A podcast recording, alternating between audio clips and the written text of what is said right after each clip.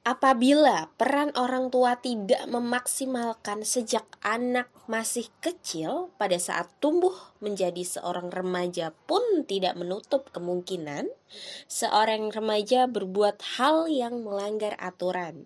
Seperti banyak contoh yang terjadi, seorang remaja kedapatan sedang merokok Meminum minuman keras sampai pergaulan bebas dilakukan tanpa rasa bersalah. Hal itu karena tidak ada pengawasan dari orang tua atau kurangnya perhatian dari orang tua. Faktor eksternal lainnya yaitu pergaulan dengan orang-orang yang salah, pengaruh teman, sebaya yang kurang baik, dan lingkungan tempat tinggal yang acuh. Banyak faktor yang membuat remaja memasuki dunia pergaulan yang rusak.